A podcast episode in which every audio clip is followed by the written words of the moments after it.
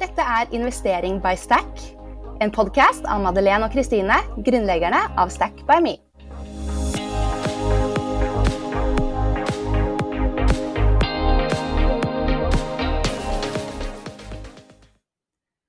Denne episoden er sponset av regnskapssystemet 247 Office og ABG-stiftelsen for kvinner i finans. Hallo, velkommen til Investering by Stack. Jeg heter Kristine, og i denne podkasten snakker vi om våre favorittemaer, nemlig penger og investering. Ja, det gjør vi! Og jeg er Madeleine. Ja, og i dag så har vi en gjest som har en imponerende karriere bak seg hittil. En foregangskvinne innenfor finans, vil vi si. Etter elleve år på skolebenken som ga henne en doktorgrad i finans, så ble hun en av landets fremste oljeanalytikere. En jobb hun hadde i tolv år. Og i 2018 så var oljeeventyret over. Da valgte hun å tre inn i rollen som sjefsanalytiker i Nordea-avdelingen for bærekraftig finans. Eh, ja, hun sitter også i flere styrer, bl.a. for WWF og miljøstiftelsen Zero. Og det er Tina Saltvedt vi snakker om. Velkommen hit, Tina. Tusen takk. veldig hyggelig. Eh, veldig Ja, du har en imponerende liste, eh, CV. Men vil du ta noen få ord om eh, deg selv? Hvem er du? Ja, hvem er jeg? Ja. Et stort spørsmål, men Ikke sant? Det, det, altså, jeg er veldig glad i finans, men det trodde jeg jo egentlig ikke da jeg starta. For jeg skulle jo egentlig bli ballettdanser. Ja. Så det var jo det som var liksom drømmen fra jeg var liten. Ja. Men på et eller annet tidspunkt, jo, da vi skulle søke på ballett, Jorunn Kirkenærs balletthøgskole, så er det opptak der hvert tredje år. Og da passa det ikke helt med da jeg var ferdig på videregående skole. Så da måtte jeg gjøre noe et år i mellomtiden. Ja. Og da fikk jeg tips av storebroren min om ta et år på BI. Ja. Mm. Og da ble jeg frelst i økonomi. Så det Seriøst, var det som ja, gjorde det. Med en gang, liksom. Da så bare Ja. Det syns jeg var spennende. Og så syns jeg finans var spennende. Ja. Det var liksom Så tenkte jeg yes, dette var uh, Tenkte du sånn jeg fortsetter litt med dette her, og så legger jeg balletten litt på vent, eller uh, tenkte du bare nei, finans for alle penga? Jeg tenkte jeg, jeg tror det gikk opp for meg der og da at uh, A. Jeg var ikke god nok i ballett til å virkelig nå de store høydene. Og B. Det var veldig gøy med finans. Så, Ja. og da tok jeg liksom bare og bygde noen Jeg hadde jo ikke tenkt å fortsette å ta en doktorgrad. Jeg hadde ingen planer om det da. Nei. Men da tok jeg ferdig eh, tre år, eller jeg tok en bachelor. Og så tenkte jeg at kanskje skulle jeg ta juss, eller kanskje skulle jeg ta fortsette med økonomi. Så hadde jeg to kompiser, en som dro til Glasgow og en til Edinburgh. Og så hadde de det så gøy, så tenkte jeg det er noe jeg også har lyst til å gjøre. Ja. Så da dro jeg til Manchester av alle steder. Mm, kult. Ikke sant? Det er, ja, det er bra, litt bra å høre at du tenkte at det har blitt litt til. Eh, At du ikke var sånn 'nå skal jeg inn og få en doktorgrad i finans' fra første sekund. Og så er det jo litt morsomt at Manchester er alle tenker på at det er bare fotball. Ja. Men det er jo en av de, eh, altså en av de store musikkbyene i Ja, eh. Storbritannia. Så Ah. blant annet Madonna hadde jo sin første opptreden der, og Ja. de hadde jo liksom denne grunge-musikken. Og, og så har de jo masse gode studentmuligheter, så Mm. det er mye annet enn fotball i Manchester. ja, ja, ja. Shit, sikkert supergøy. Herregud. Er det noe ballettmiljø der? Du vet hva, jeg var med på en ballett, eh, men det som var litt gøy, det var jo at alle var jo omtrent et hode lavere enn meg. Så jeg så jo ut som en sånn gigant. som skal stå på sånne rekker. Så jeg så jo bare, veldig, veldig komisk ut. Eh, så etter hvert så fant jeg ut at jeg begynte heller å spille squash og gå på ja, litt sånn sirkeltrening og litt sånne ting. Da blei de, den ballettkarrieren regelrett lagt på hylla. Ikke sant? Ikke sant? Nei, herregud, så har du liksom danset deg gjennom inn i finansverden. Danset meg inn i finansverden. Det, ja. Ja, men Jeg- syns det er litt fint å høre. At, på en måte, for ballett er jo typisk en sånn feminin sport, da. Eh, men at eh, de to eh, Det trenger ikke være motstridende. Og like liksom Det er i hvert fall veldig mange som tenker at finans er så maskulint. Men eh, man kan være ganske feminin og også digge finans, altså. Det kan man, og det syns jeg er kjempeviktig, for det er jo nettopp det vi vil snu på.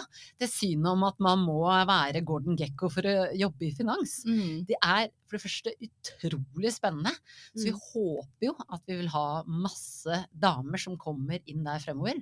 Og så gir det masse muligheter. Altså det som er viktig, og det tror jeg mange glemmer, at det der å sitte og styre pengeflyten, kapitalflyten, det er utrolig viktig for å kunne bestemme litt om hvordan fremtiden skal se ut. Mm. Eh, Og da er det jo innmari dumt hvis vi skal gi mennene Altså bare gi det til mennene, den muligheten om å styre hvordan vår fremtid skal se ut. Mm. Derfor er det så viktig at vi får bra damer inn i finans, som Mm. virkelig kan ta litt tak og, og, og bli med på liksom, bestemme litt hvordan skal fremtiden se ut. Hvilke bedrifter skal vi ha, eh, hvor skal pengene gå hen? For da får vi jo mye mer påvirkning. Så, Mm. så det er superspennende, altså. Ja, det er Mm. virkelig viktig. Og eh, ja, det har jo du virkelig tatt tak i også og gjort noe med. Og for alle som Det er veldig mange som vet hvem du er allerede, men eh, du er jo en fargeklatt, vil jeg si, også i miljøet. Da. Alltid, nå sitter du her med sånn blomstrede dress, og man blir jo bare glad av å se deg, liksom. Du er alltid så fresh. Så det også er veldig kult. Og nå gikk vi jo veldig rett på her, da, men eh, sånn i USA, der hvor politikken også er styrt litt av penger, så ser man jo hvor galt det kan gå når man eh, lar for eh, man lar for mye av makten skli mot eh, herresiden. Eh, liksom, abort eh, blir jo lovlig plutselig i 2022, og ja, det er mye, mye rart der borte. Så ja, her er det bare Mm. å ta tak i pengene, ladies. Akkurat det hadde jeg er kanskje ikke Ja. ja. Ikke sant? Veldig bra. Virkelig. Og ja, sjefsanalytiker for bærekraftig finans, det høres jo så spennende ut. Hva er det, måte, hva er det jobben din går ut på? Det er eh, For det første så er det jo å følge nøye med på eh, så det store energiskiftet som vi er inne i. Jeg jobbet tidligere, som du var inne på, tolv år som oljeanalytiker. Eh, Og så etter tolv år så tenkte jeg dette her føles ikke helt riktig, faktisk. Vi ser at det er store endringer i, i klimaet, store endringer i naturen. Dette må vi gjøre noe med. Så tenkte jeg, hva er det jeg kan om? Jeg kan noe om finans, og jeg kan om energi. Mm. Og så tenkte jeg da å jobbe med bærekraftig finans, men også særlig energispørsmål, er jo veldig, veldig spennende. Og det har vi jo fått merke nå de siste par årene, og hvor viktig det er at vi eh, virkelig får i gang den omstillingen. Fordi at eh, bærekraftig, eller eh, bærekraftig energi selvfølgelig, men også fornybar energi, det er viktig for klimaet og naturen, men det er også viktig for energisikkerheten. Mm. Og den kombinasjonen der, i tillegg til at det skal skape arbeidsplasser i Norge, men også utenfor Norge selvfølgelig, det er veldig viktig. Og man må faktisk tenke på alle de tre tingene samtidig. Mm. Arbeidsplasser, energiovergangen og, og klima, energisikkerhet, det er kjempeviktig. Mm. Ja, fordi energi, det trenger man jo, så man kan jo liksom ikke si at nå skal det bare være bærekraft, fordi da har vi ikke nok. Men føler du at din, den erfaringen da, som du fikk eh, da du jobbet liksom med olje, at i og med at du kan så mye om det, så kan du være med på å på en måte endre fra innsiden også? Jeg Eller håper den jo det. Ja. Ja. ikke sant? Jeg håper jo det, fordi at eh, det er jo viktig også å se at den endringen går jo ikke over natta. Nei. Det tar tid. Og da er det jo viktig å se på hvilke deler av bransjen eh, kan endre seg, hvilke vil ikke klare det, og hvor må man da ta tak, F.eks. for eksempel. Hvilke, eh, altså hvilke yrkesgrupper eh, vil ikke ha noe jobb hvis vi klarer det grønne skiftet? Og hva kan man gjøre for å ruste opp den yrkesgruppen til nettopp å kunne være med på det grønne skiftet? Mm. Eh, Fordi det er så viktig at man har en felles forståelse av hvor vi skal, og ikke minst også for å unngå den der gule vestaksjonen som vi så i, eh, i Frankrike. Eh, Mm. Fordi man føler seg truet. Selvfølgelig føler man seg truet.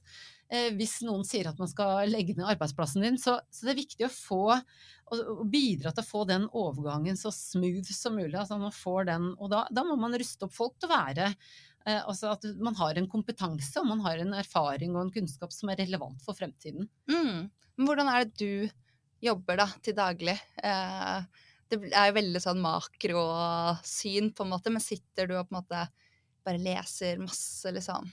Eller hva er det du liksom gjør? Ja, det jeg gjør til vanlig, det, altså jeg leser masse, det Ja. gjør jeg. Men jeg sitter jo og ser egentlig på de samme grafene som jeg gjorde da jeg var oljeanalytiker. Ja. men nå med litt nye briller på. Ja. Eh, og så det er viktig å ho- holde følge med både de selvfølgelig kortsiktige endringene, for det kan også påvirke opinion, det kan påvirke holdninger. Vi ser jo at uh, i løpet av det siste året med en, de voldsomme energiprisene vi hadde da, det har jo gjort noe med folks vilje til å investere kanskje i uh, mer energi. Uh, fordi at kraftprisen i Norge har jo vært omtrent flate i 30 år før det. Så villigheten til å liksom se på at vi skal bygge ut med kraft, den har ikke vært der. Men også det hvor skal det bygges hen. Og det også er spennende med det å jobbe med bærekraft, fordi at eh, vi har holdt på med et klimaspørsmål, der tror jeg vi har lært en god del. Vi har mer å gå på, for det kommer til å bli en utfordring. Men når vi jobber med bærekraft, så må vi ikke bare se på klima, men også se på natur. Og så må vi se på de sosiale aspektene. Og eh, det vi ser er jo blant annet at eh, nå når vi får en ny naturlov, vi skal verne om 30% av naturen, og vi skal tilbakestille en stor del, så vil det jo bli større kamp om de områdene som skal være tilgjengelig. Mm. Og da er det jo viktig at man også ser på hvilke tydelighet har vi i hvem skal prioritere. Altså hvem skal bestemme hvilke områder som f.eks. det kan drives næringsvirksomhet på. Og er det, er det staten? Er det fylkeskommunen? Er det kommunen? Det må vi ha en klarhet i. Eh, Så må vi ha en klarhet i hvem som bestemmer hvilke næringer. Altså skal vi ha hyttebygging? Skal vi ha fabrikker? Eh, Hvilken type næring skal vi ha? Eh, Og det må jo også ha en tydelighet i, for det er veldig vanskelig enten å skulle investere i prosjekter som har fått en kanskje at du får lov å bygge der, eller jo, jeg tror det, det ser ok ut, men man har ikke helt bestemt eh, bestemt hvordan og hvem som skal få inntektsgrunnlaget derfra, så kan man risikere det vi har sett på vindkraft nå, at man investerer i prosjekter som kanskje må stoppes om fem til ti år, eller at man finansierer eh, prosjekter som får en utfordring. Så denne type spørsmål, det må man ha en klarhet i, og det er Mm. viktige spørsmål når det gjelder å, å ta bærekraftshensyn. Ja, virkelig. Men hva slags eh, type output er det du kommer med, da? Er det på en måte en, eller hva du tror om elektrisitetsprisene, eller eh, Det kan det f.eks. være hva jeg tror om Kanskje ser vi mangel på elektrisitet. Tror jeg at vi har mangel på elektrisitet. Hva er bufferne for det? Er bufferne at vi eh, kanskje ikke har arealer? Er det bufferne at vi mangler kompetanse? Er bufferne at vi ikke har innsatsfaktorer? Så litt sånn å, å tvike og diskutere litt rundt i problemstillingen. For skal man bygge verdikjeder, så må man jo ha arealer. Det har jo vært en utfordring her i Norge. Mm. Eh, vi har jo ikke hatt en klarhet i hvilke arealer som skulle være tilgjengelig enten på land eller til havs. Eh, og hvilke næringer blir berørt hvis vi, altså hvis vi til, til havs nå skal begynne å bygge flytende havvindmøller. Eh, hvem vil det konkurrere med? Jo, det vil konkurrere med fiskeri, det vil konkurrere med transport. eh, og også selvfølgelig verning. Eh, hva, vil, eh, hva vil skje da? Eh, så det er jo litt sånn å se på det store bildet, for det vil påvirke tempoet i det skiftet. Eh, har man ikke tilgang på arealer, ja da vil jo ikke disse prosjektene bli starta de neste fem årene, og da er det jo kanskje ikke så interessant heller. Så- de, ja. Så da tar du på en måte en view på at f.eks. offshore wind er en Du positive sektoren eller negative sektoren fremover? ja, jeg tenker eh, Altså, jeg ser på litt når jeg tror den kan komme, hva som jeg Mm. tror er realistisk at kan, Kommer den i 2030, eller kommer den faktisk i 2035? Så diskuterer vi jo med kollegaer. Så jeg er mye ute hos kunder og forteller om de store bærekraftstrendene, f.eks. Nå har vi snakket mye om klima fremover, men hva kan vi forvente? Og der er det jo sånn som jeg ser at det er veldig viktig altså, eh, For det første de sosiale bærekraftsmålene. Mm. Istedenfor å bare tenke på likestilling mellom kjønn, så må man også forvente at man må se mye mer på altså, diversitet i en mye større eh, altså inkludering og mangfold ikke sant? i mye bredere, et bredere perspektiv. Dette med åpenhetsloven, eksempel, det er viktig at man har kjennskap til den, for det vil kunne påvirke verdikjeden din og mulighetene for deg som kanskje en leverandør av tjenester eller verdier. Eh, Så er det jo dette med mm, eh, biodiversitet, eh, naturmangfold, ikke sant. Eh, Dette kommer jo veldig sterkt nå. Nå har vi fått på plass en god del regler, og det begynner å komme lover om klima. Så må vi også se at naturen skal inn. Hvilke følger for det, hvis vi også skal ha naturspørsmålene inn? Og da kommer vi mye på dette arealbruk, blant annet. Kjempeviktige spørsmål der. Mm. Og det tredje, det er sirkulærøkonomi. Det er også noe som interesserer meg veldig. Eh, For der ligger jo masse muligheter hvis vi er tidlig ute. Og så er det mange fallgruver, blant annet eh, har vi jo sett det innen klesindustrien nå. Um, Det at man sier at man, man begynner å legge mer vekt på og ansvar på produsenten. Så hvis du som produsent av klær f.eks. ikke har et system for å ta ta hånd om enten klær som har blitt solgt og returneres. Eh, mye av det burde jo egentlig bare kunne pakkes om og selges, ut i, eh, selges i markedet, men ofte blir det ikke det. De Mm. blir enten brent eller dumpa på en, eh, på en eh, søppelhaug et eller annet sted i verden. Det kan du ikke lenger. Og det er nettopp hvordan har man tilpasset sin, eh, sin verdi, eh, eller produksjon, da. Ja. Man kan ikke det, men likevel da, så så vi jo det var Aftenbladet forrige uke. Eh, nå er vi jo i slutten av juni her, så 2023, så det er jo ikke old news akkurat at det er Hans Maurits sier de resirkulerer, og så hadde de airtags på ting de leverte inn, da, Aftenbladet. Eh, og så ser de at nei, det havnet på en strand et eller annet sted i Afrika. Det var liksom ingenting da, av de fem plaggene som faktisk ble solgt på nytt. Og det er jo kjempeinteressant, for ikke Ja. det der vil ikke kunne være like lett fremover. Nettopp fordi du, du skal begynne å tagge klærne. Både du skal vite hva, hva består det egentlig av. For det, det ser vi jo nå at en del av klærne har jo tagger på hva de, er, hva de består av, hvor de er produsert. Men det stemmer ikke nødvendigvis. De som kan om tekstiler sant, og begynner å bryte det opp, ser at ja, men her er det noe helt annet i disse tekstilene enn det det faktisk står på, så, på merkelappen. Så en bedre merking. Men så er det også det spennende med alt fra sant, designfasen. Når du lager klærne, eller det gjelder også boliger f.eks. Du bruker eh, digitale, eh, digitale tegninger, altså digitale tvillinger, til å lage, eh, lage utkastene.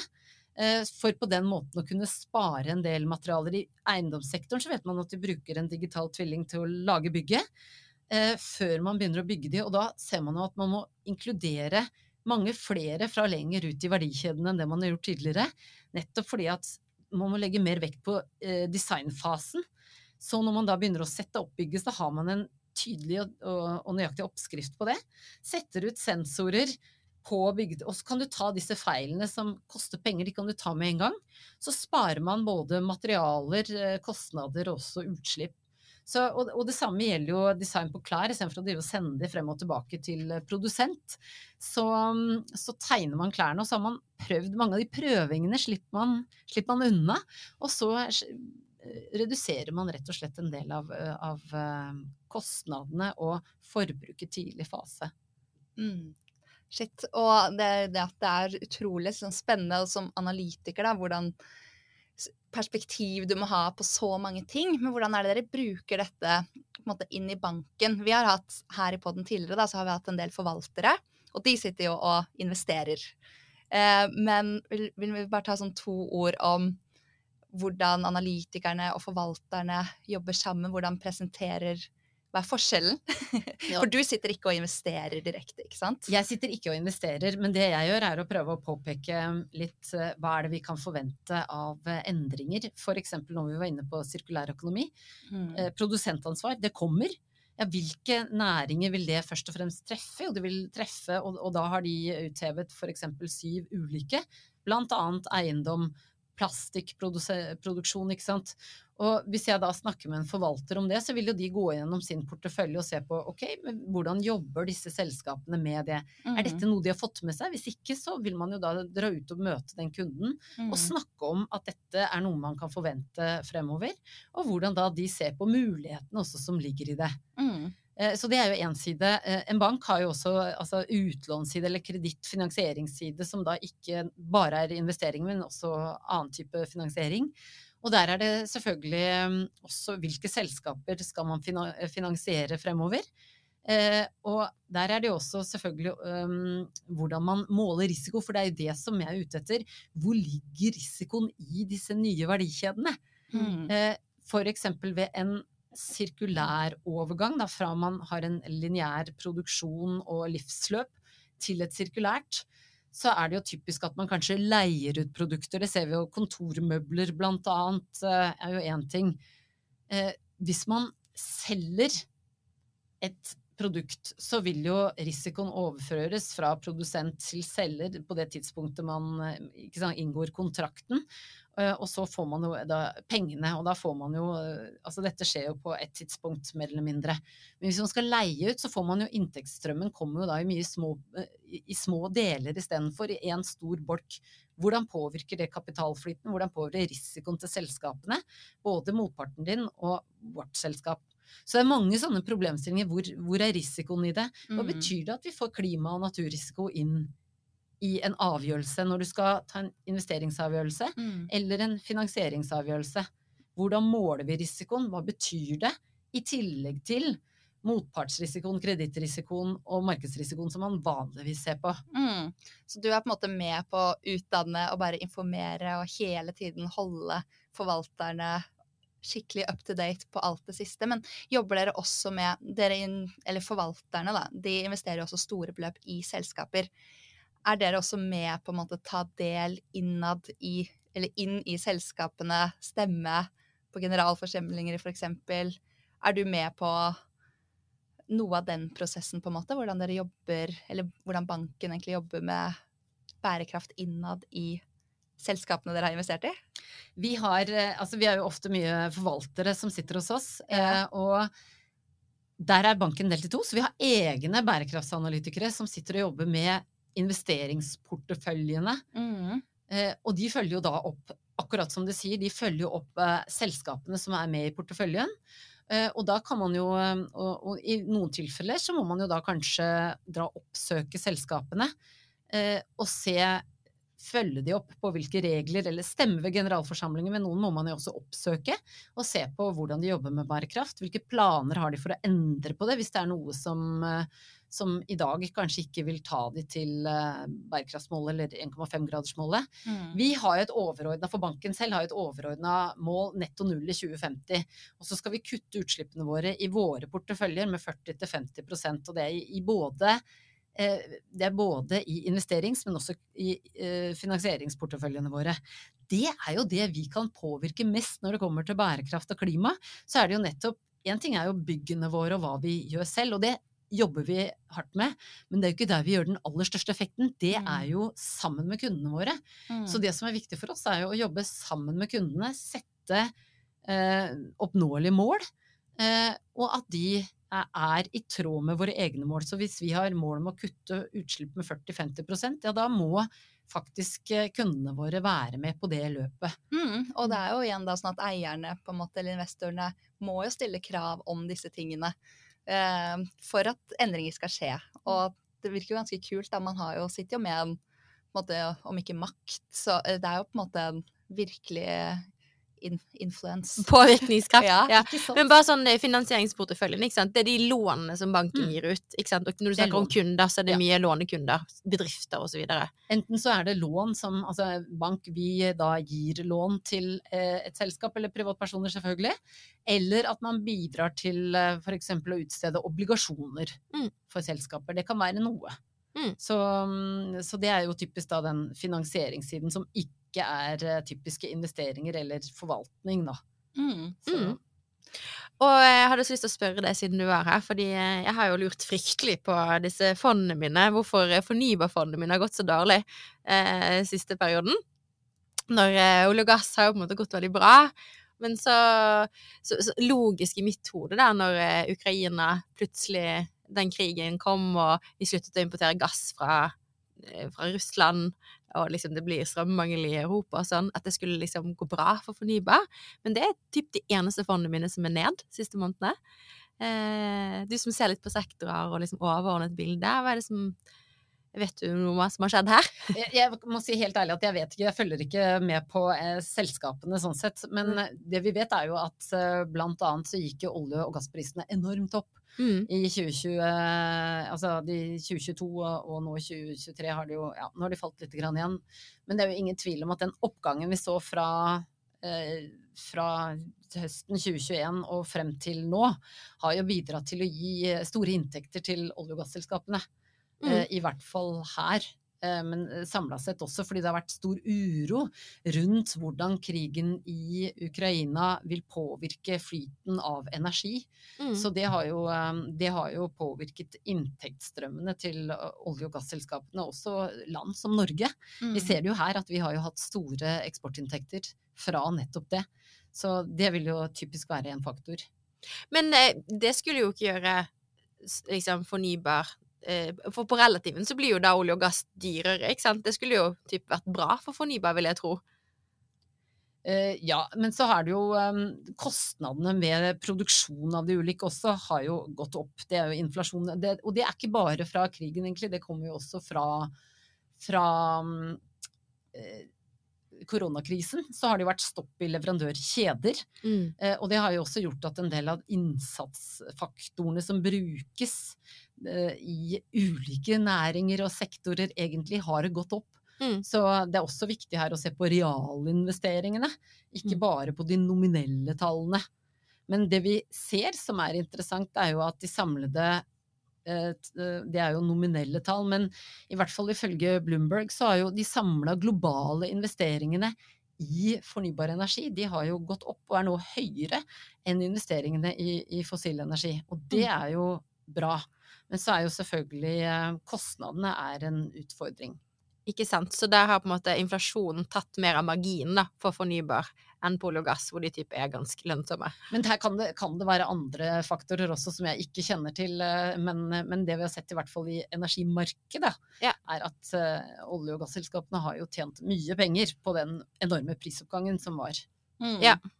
Og vi var på lunsj med Alfred Berg for et par uker siden, og da også estimerte de at det skal bli enda mer oppgang. Nå er jo oljeprisen på 75 dollar fatet, og de estimerer til 85-90 eh, slutten av året. Men hva tror du på en måte om, eller dere da, eh, i Nordea, om eh, de langsiktige trendene? Kommer vi til å klare å erstatte eh, fossil eh, energi? Det vil jo selvfølgelig ta veldig veldig lang tid, Ja. men det er jo en helt, altså det er jo en stemningsendring i Ja. markedet. Og det vi kan si for å nå altså det har jo, Og det er interessant å se, fordi at eh, mange av, um, eh, av fornybarinvesteringene, eller de har jo økt eh, ganske kraftig i løpet av eh, året. Mm. Så det man kan se at energisikkerhet har påvirket, er jo en, særlig i Europa, hatt en raskere påvirkning på omstillingstakten. Eh, Ja. Fordi at eh, man har jo klart å gjøre seg mye mindre avhengig av tilgangen på russisk gass, samtidig som man kanskje det aller viktigste tiltaket for, eh, for klimaet er jo egentlig å redusere forbruket. Mm. Vi har jo sløst enormt med energi og, og energiressurser. Så det første er jo liksom da å få på plass energisparingstiltak. Mm. Mer fleksibilitet i nettverkene. Eh, og det er det jo ingen tvil om at de prissignalene, eller de signalene som de høye prisene har gitt oss, de har fungert på det. Og så ser vi jo også at eh, man ønsker den energisikkerheten, sånn at EU har jo var jo i utgangspunktet eh, en ledende når det gjelder de investeringene, men så ser vi at de har økt takten enda mer, nettopp fordi at man trenger å bli mer uavhengig av eh, nå først og fremst Russland, men også samla sett å bli mer energiuavhengig. Det har vært viktig for EU lenge, men de har ikke gjort noe med det. Og nå ser man at det har bidratt til at man installerer mye mer sol, eh, solcellepaneler på tak, f.eks. Legger krav om at det også må komme på industribygninger. Eh, energisparingstiltak har vi vært innom. Eh, varmepumper, de har vi jo sett at alle disse tiltakene her, de har jo økt. Og så ser man jo da på litt større, altså de større investeringene. Og her kommer jo USA også, med kjempestore eh, subsidiepakker. Mm. Det blir spennende å se effekten av det. Elbiler. Elbiler, ikke Ja. minst. Og det er jo der vi, særlig her i de nordiske landene, så, så snakker vi jo mye om eh, satsinger og investeringer i eh, fornybar energi. Men det vi ser fra tallene, i hvert fall fra Bloomberg-tallene, Ja. er at veldig mye kommer innen elektrisk transport. Ja. Mm. Ikke bare i Norge. Sverige også har en veldig kraftig økning de siste tre-fire årene. Danmark, eh, mens Finland er kanskje de som samla sett har hatt høyest investering i fornybar energi Ja. Mm. siste året. Så det er litt forskjellig, men Og det er jo litt dumt, fordi hvis du gjør det ene uten det andre, så hjelper det jo egentlig ikke så mye. Hvis du elektrifiserer all transport, og så driver du og brenner kulen nede i Tyskland for å lage strømmen.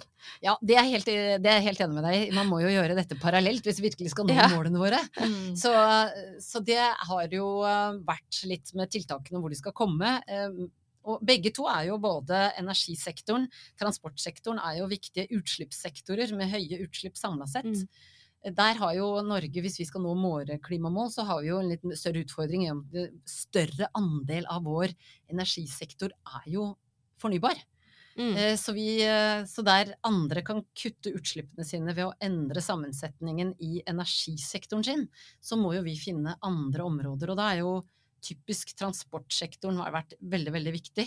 Mm. Um, så vi ser jo også det på investeringstallene samla i Norge, at de har jo vært veldig, altså gått kraftig opp i elektrisk transport. Og det eh, reflekteres i nybil, elsal- elbil, nysalget. Mm. Eh, så- de følger hverandre ganske, så, så man ser effekter av det. Og det ser man også effekter av på utslippstallet. SSB kom jo nå med utslippstall eh, som viste at i personbiltransporten så har utslippene gått ned. Mm, ikke sant. Vi har jo et eh, elbilfond i, uh, Ja. i Stack-appen. Faktisk. Ja, det er jo ganske kult. Men vi også får jo eh, litt sånn tempen da fra sosiale medier, i og med at vi er så aktive der, så ser vi jo veldig sånn, og statistikken også viser jo det at unge er veldig opptatt av politikk, av miljø, bærekraft, og av hver eneste gang, det er jo bare når vi liksom tar polls og undersøkelser utad i vårt marked, da, som begynner å bli ganske stort, så er det alltid bare veldig villige da, etter å ta eh, bærekraftige valg, selv om eh, bærekraft over avkastningsvalg, så lenge man avkast, avkastningen er også viktig, men den vil jo også være der, da. Men det å kunne være med å påvirke verden i den retningen, og være med å flytte kapitalen eh, Hvis nok folk gjør det, så blir det faktisk en endring, og man har en stemme, da. Så det er jo en positiv trend, eh, vil man jo virkelig tro og håpe, da. Med så mye fokus og flere folk, eh, mange unge, som kommer inn på markedet. Ja, og det er jo veldig viktig at eh, vi får ut mye informasjon, så man kan Mm. ta gode valg. Det er jo det vi har manglet tidligere. Eh, og det er jo det som vi prøver å gjøre noe med beregning av risiko, ikke sant. For vi har jo ikke tatt med dette med bærekraft. Altså klima, natur, sosiale bærekraften. Den type spørsmål har vi ikke tatt inn. Vi har ikke tatt med det inn i risikoberegningen. Men nå er jo det helt nødvendig. Nå får dette direkte effekt på den finansielle risikoen på et selskap. Mm. Og det var ganske interessant, for da jeg begynte å jobbe med bærekraft, så var, så var det en del som løfta litt på øyenbrynene og tenkte ok, hva er dette? Ja. Men vi ser jo nå i løpet Jeg begynte å jobbe med dette i uh, 2018. eh, og jeg ser jo nå bare på disse få årene hvor, hvordan det har blitt fra å være en litt sånn diffus sky her oppe, til Mm. hvordan man har klart å trakte det ned til klare handlingsplaner, til konkrete mål.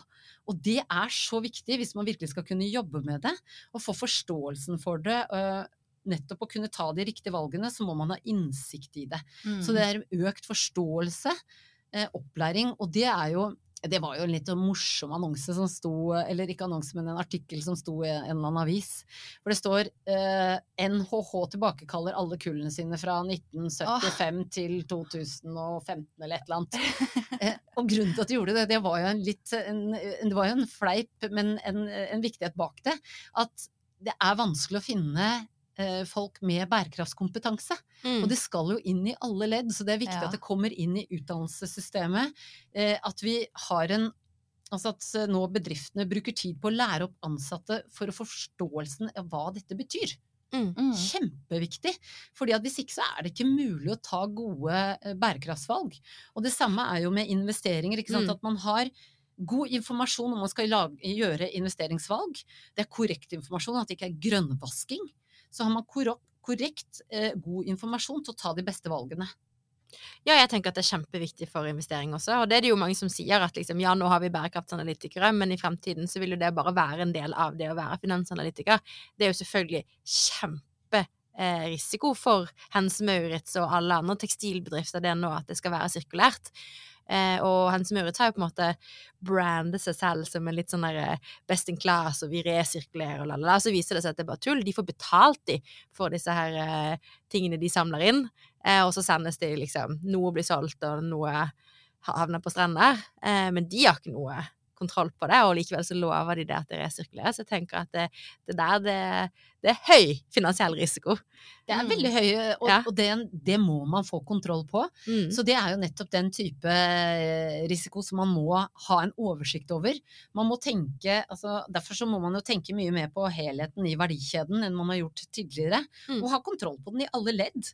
Man må kunne altså Signerer jeg, gjør jeg en avtale med et selskap som skal eh, hjelpe meg å avhende et eller annet eh, gamle mobiltelefoner eller computere, så må jeg være sikker på at de faktisk gjør jobben sin. Og det er min plikt å følge opp på det. Mm. Eh, Jeg må ta det ansvaret, eller bedriften min må ta det ansvaret at de faktisk ser at de computerne ikke havner på en søppeldynge. Men at de faktisk blir gjenvunnet, at det går inn i et system som gjør det. Men så må man selvfølgelig, og det er jo det som er spennende, man må selvfølgelig ha systemer som gjør det. Mm. Og det har vi ikke. Så vi må ha noen som samler det inn, vi må ha noen som kan sortere det, og så må du vite at de bestanddelene det har, de er faktisk Dette er eh, kobber. Og så er det altså, Det som sies er kobber, det skal være kobber eller aluminium eller sink eller hva det nå skal være. Slik at man kan gjenbruke, gjenbruke de ulike delene. Mm. Så det er spennende. Ja, kjempespennende. Jeg liksom Jeg vet ikke, for jeg prøvde faktisk å preache dette her på sommerfest på lørdag om at nå må vi slutte å kjøpe liksom så mye sånn billig dritt på Hennes Maurits, fordi det havner på strender i Afrika. Og da var folk litt sånn ja, men på sommeren, det blir så mye solkrem, og de går i stykker uansett. Og liksom altså, Jeg vet ikke om det på en måte Selvfølgelig er det noen forbrukere som vil på en måte kvie seg mer for å handle der. men jeg tenker mest på på en måte at den kostnaden som du sier der, med at eh, den vil bli pålagt, at de må ta den på at det ikke havner på strender. Eh, så det er liksom høyere kostnader, og bøter, tenker jeg, eh, fra myndigheter og sånn. At det er ganske sånn stor risiko. Ikke bare for en som Maurits, da. Jeg tipper altså, sånn, de er sikkert ikke noe verre enn Sara. Nei, og det er det som er viktig, ikke sant? at man får reguleringer som følges opp. At man Mm. faktisk får, For å få kontroll på det.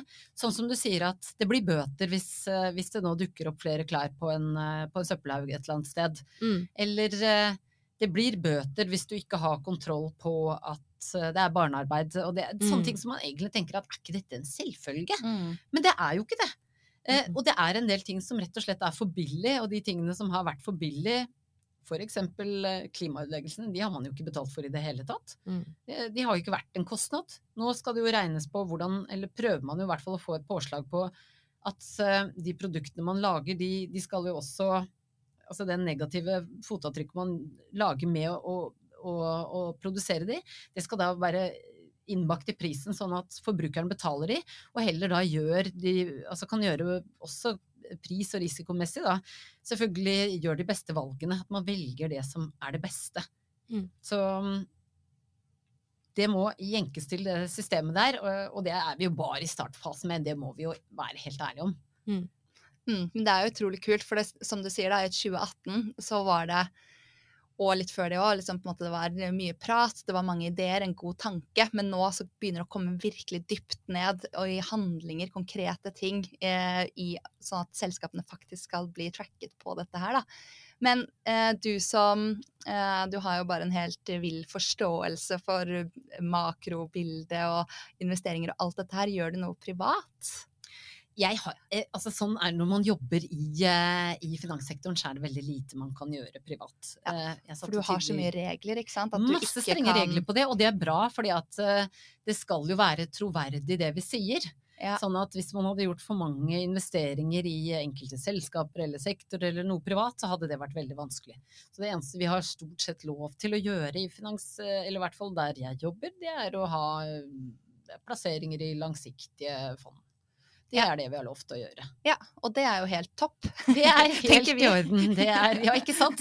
Det er noe av eh, det vi ja, virkelig preacher òg, at det er i hvert fall en veldig god, eh, godt sted å starte. Ikke sant? Også, Og avkastningsmessig så er det jo få som tjener noe særlig mer.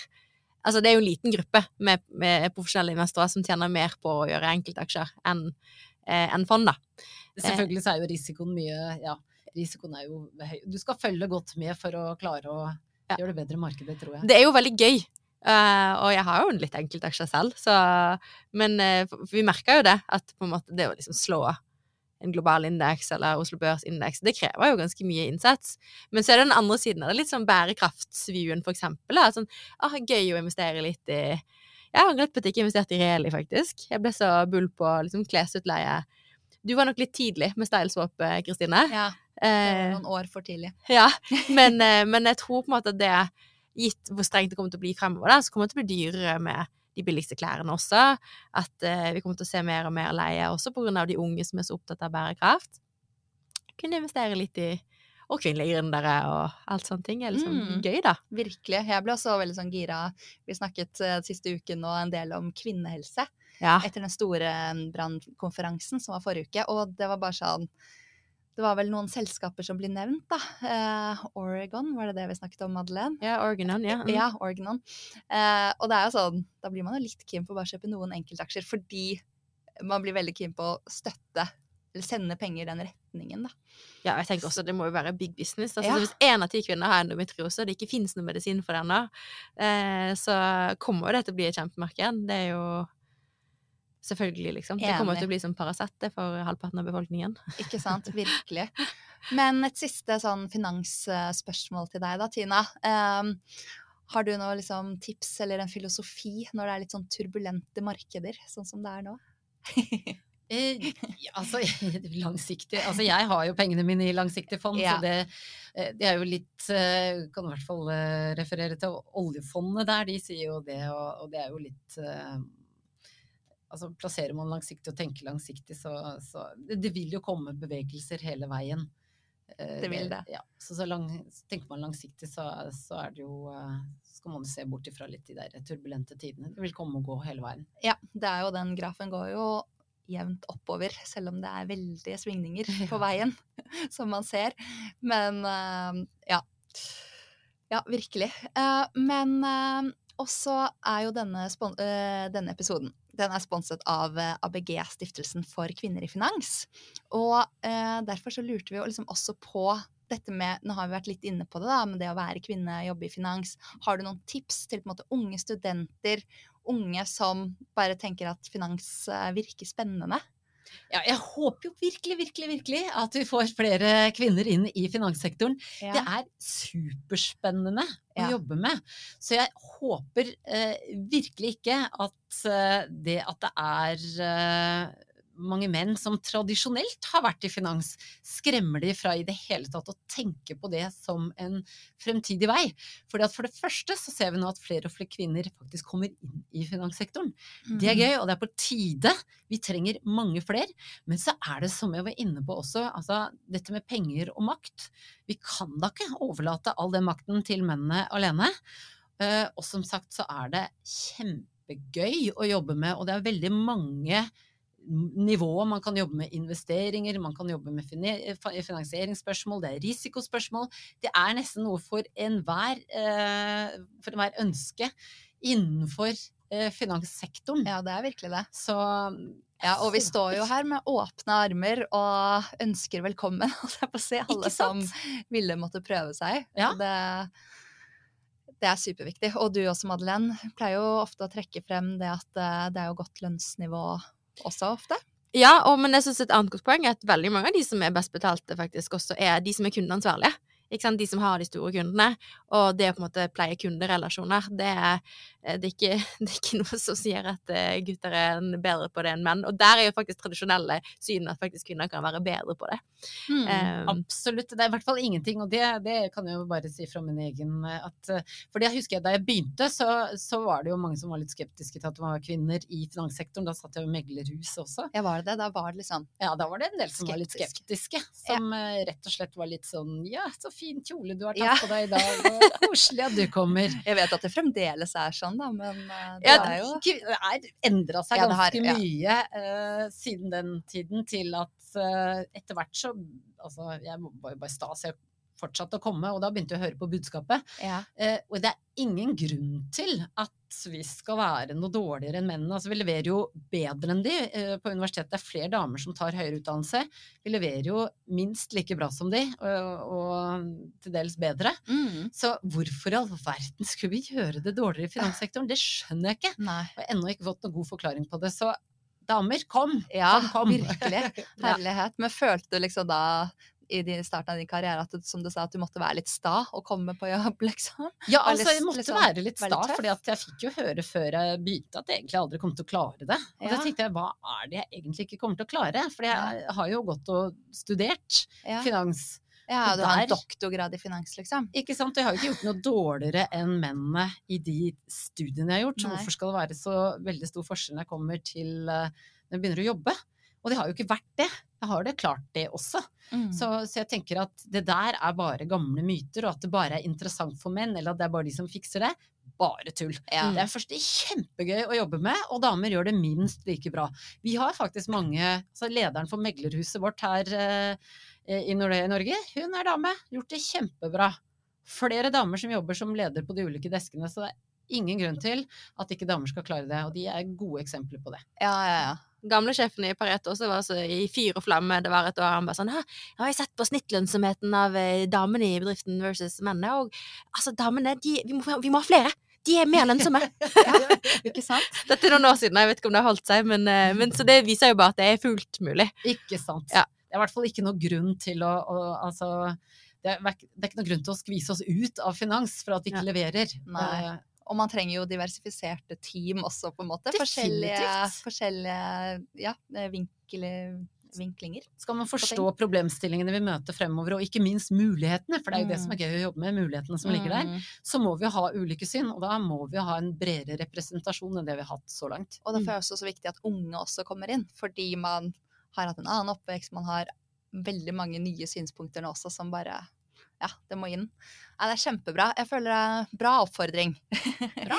eh, men eh, ja, vi renner jo faktisk litt ut for tid her, og tenker at eh, ja, Kjempebra. Tusen takk, eh, Tina, for all deling, og håper mange har fått bare masse mer info og blitt inspirert og litt mer forståelse av eh, hele bærekraftsektoren, spacet.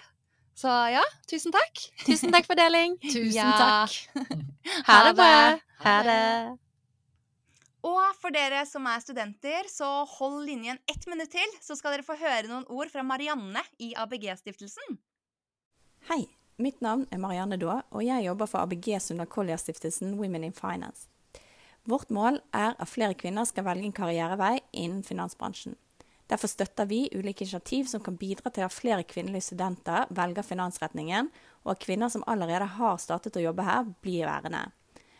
Vi må bl.a. bidra til at unge jenter og kvinner får nok informasjon om de mulighetene som finnes i finans, slik at når valget om karrierevei skal tas, er en karriere innen finans et av alternativene. Det finnes mange grunner til hvorfor en finanskarriere er et godt valg. En jobber med meningsfulle og spennende oppgaver, har varierte arbeidsdager og får mye innsikt i ulike bransjer og sektorer, samt møter interessante kunder og investorer. Og i tillegg, den kompetansen en opparbeider seg med erfaring fra finans, kommer alltid til nytte. Så hva kan vi gjøre for å få flere kvinner til å velge å jobbe i finans? Det ønsker vi hjelp til å finne svaret på. Stiftelsen støtter initiativ som bidrar til at interessen for finans øker blant kvinner, som Women in Finance studentforeningene, og podcaster som denne her, som sprer god informasjon om investeringer.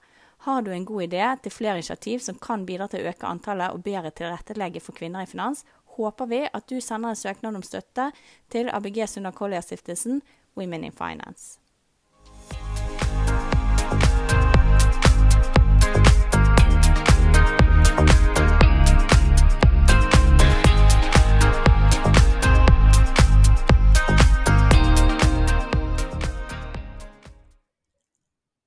Det må sies at denne podkasten må anses som markedsføringsmateriell, og innholdet er aldri en investeringsanbefaling. Podkasten er kun ment til inspirasjon og informasjon. Så innholdet i podkasten bygger på offentlige, tilgjengelige kilder som Stack anser som pålitelige, men vi kan ikke gi noen garanti for nøyaktighet og fullstendighet bak dette. Så Stack by me tar ikke ansvar for eventuelle tap som dere lyttere kan møte dersom dere bruker informasjonen som blir gitt i denne podkasten.